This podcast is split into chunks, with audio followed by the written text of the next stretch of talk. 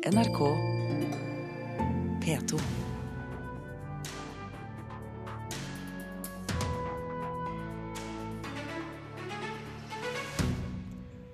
Ordrematerialet legges ut i serieform på internett. Privatetterforsker lover å ikke dramatisere mer enn nødvendig. Og 2014 var et godt år for litteraturen, ifølge to av våre kritikere. Men de har ett klart nyttårsønske for litteraturåret 2015. Ja, du hører på Kulturnytt med Birger Kålsrud-Jåsund i studio. Privatetterforsker Tore Sandberg vil legge ut det han mener er nye funn i Orderud-saken på nett. Sandberg sier han allerede hadde ideen før den populære amerikanske radiopodkasten Serial ble publisert. Men han eh, skjønner at folk ser likheten. Ja, jeg gjør det. Og jeg kjenner ikke til at, at dette er blitt gjort på denne måten før i Norge. Siden 2006 har privatetterforsker Tore Sandberg med flere jobba med å samle sammen opplysninger for å få gjennomtatt Orderud-saken. Arbeidet er finansiert av Per og Veronica Orderud. Etter planen skal det sendes inn en begjæring til gjenopptakelseskommisjonen i februar. Det er i den forbindelse Sandberg planlegger å legge ut deler av det nye materialet på nett i fire 20-minutters sendinger. Sannsynligvis kommer vi til å opprette en Orderud-nettside det er fortsatt uoppklart hvem som drepte Anne Orderud Paust og foreldrene Maria og Christian Orderud i Sørum i Akershus i 1999. De fire som ble dømt i saken i 2002, er dømt for medvirkning. Sandberg sitter nå på bl.a. vitneforklaringer, undersøkelser og resultatet av rekonstruksjoner, som han mener kaster nytt lys over saken. Vi er på Sørumsand på Orderud gård. Hvor uh, var du hen? Jo, vi mener jo at uh, det er grunnlag for å, at Per og Veronica Orderud skal få prøve saken sin igjen. Og da er det viktig også, sett fra, fra, vårt ståsted, at de i befolkningen som ønsker å sette seg nærmere inn i, i dette materialet, at de skal ha en mulighet for å eh, se den presentasjonen som vi da går ut med.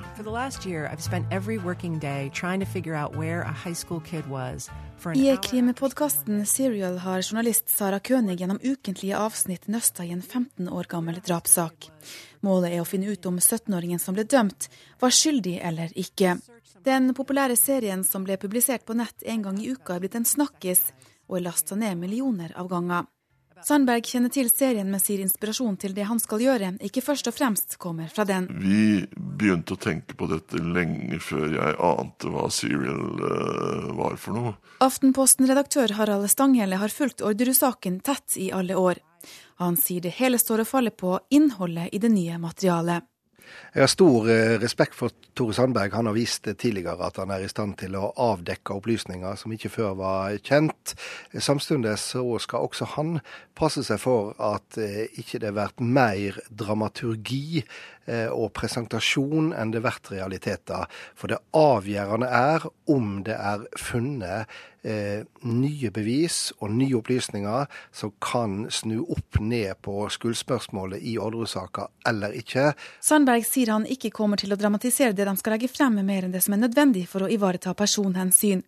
At stoffet skal presenteres i oppdelte episoder, forklarer han slik. Eh, I stedet for å eh, legge en sammenhengende sak på to timer eller tre timer ut, så vil tidsformatet være mer tilpasset det vi ville kunne svelge unna. Sa privatetterforsker Per, nei, unnskyld, Tore Sandberg til reporter Kristin Esjeholm. Klokken er snart 17 eh, minutter over åtte. Du hører på Kulturnytt, og dette er toppsakene i Dagsnytt nå. Arbeidsmiljøet i norsk luftfart eh, skal kartlegges, men lavprisselskapene Norwegian og Ryanair vil ikke være med. Norwegian sier de nettopp har gjort en egen arbeidsmiljøundersøkelse. Den eh, blå regjeringen sier nei til å støtte et internasjonalt forbud mot eh, atomvåpen. En slik støtte vil være i strid med Norges Nato-forpliktelser, sier utenriksminister Børge Brende. Og mange som overlevde tsunamien for ti år siden, har fortsatt angst og mareritt om kjempebølgen. Det er jo lille julaften og hele førjulstiden og romjulen, og til dels også etter jul, så oppsummerer vi året som eh, har vært i de forskjellige, i de forskjellige fagområdene vi dekker i Kulturnytt. I dag har vi kommet til litteratur, og med oss i studio har vi fått våre eminente bokkritikere her i NRK. Marta Norheim og Anne Katrine Straume, velkommen begge to. Takk for det. Skal vi gå rett på høydepunktene? Hva har 2014 eh, eh, brakt oss i så måte? Jeg tror jeg vil trekke frem en bok som kom veldig tidlig i 2014, så tidlig at jeg nesten hadde glemt den. Og det er Jon Fosses eh, siste bok i de tre fortellingene som begynte med Andvake. Så var det Olavs draumar, og så var det Kveldsvevd som var den siste som kom. Og den er gitt ut i en samleutgave som heter Trilogien. Dette er um, historien om Asle og Alida, et veldig ungt par som reiser til Bjørgvin, tror vi kanskje det er. Eh, de skal ha barn, det er ikke rom for dem i herberget. Det ligger noen bibelske, mytologiske eh, konnotasjoner i denne fortellingen, som er eh, en fortelling om straff og skyld. Forbrytelse har det vært forut for denne straff og skylden. Og vi møter altså dette unge paret som møter en verden som er vanskelig og vond. Og Hva er det ved den du liker?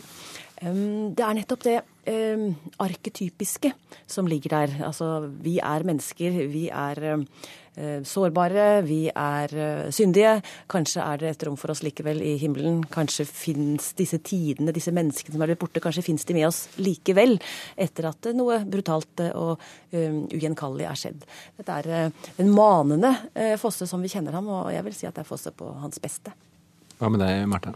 Ja, nei, altså jeg har uh, eh, merka meg at det er veldig mye krigslitteratur som har kommet i år, som for så vidt alle år, men jeg syns at det jeg har snippa borti, som jeg må si er en brøkdel, uh, har vært veldig interessant, altså. Og, og, og det er jo òg veldig fascinerende at den den mest uh, skildra epoken i norsk historie uh, fremdeles går an å skrive noe nytt og friskt og spennende om. Har du noen eksempler? Uh, ja da.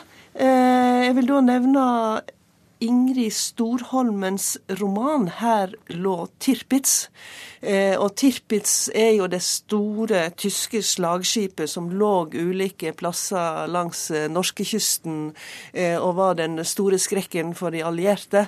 Eh, det hun gjør med dette skipet, er at hun befolker det med eh, eh, menige soldater, offiserer, og de får alle sine monologer. Og så kommer de igjen og igjen med sine monologer. Altså Noen vil vinne krigen for Hitler, noen vil ha damer, noen vil hjem til mor, noen vil iallfall ikke dø.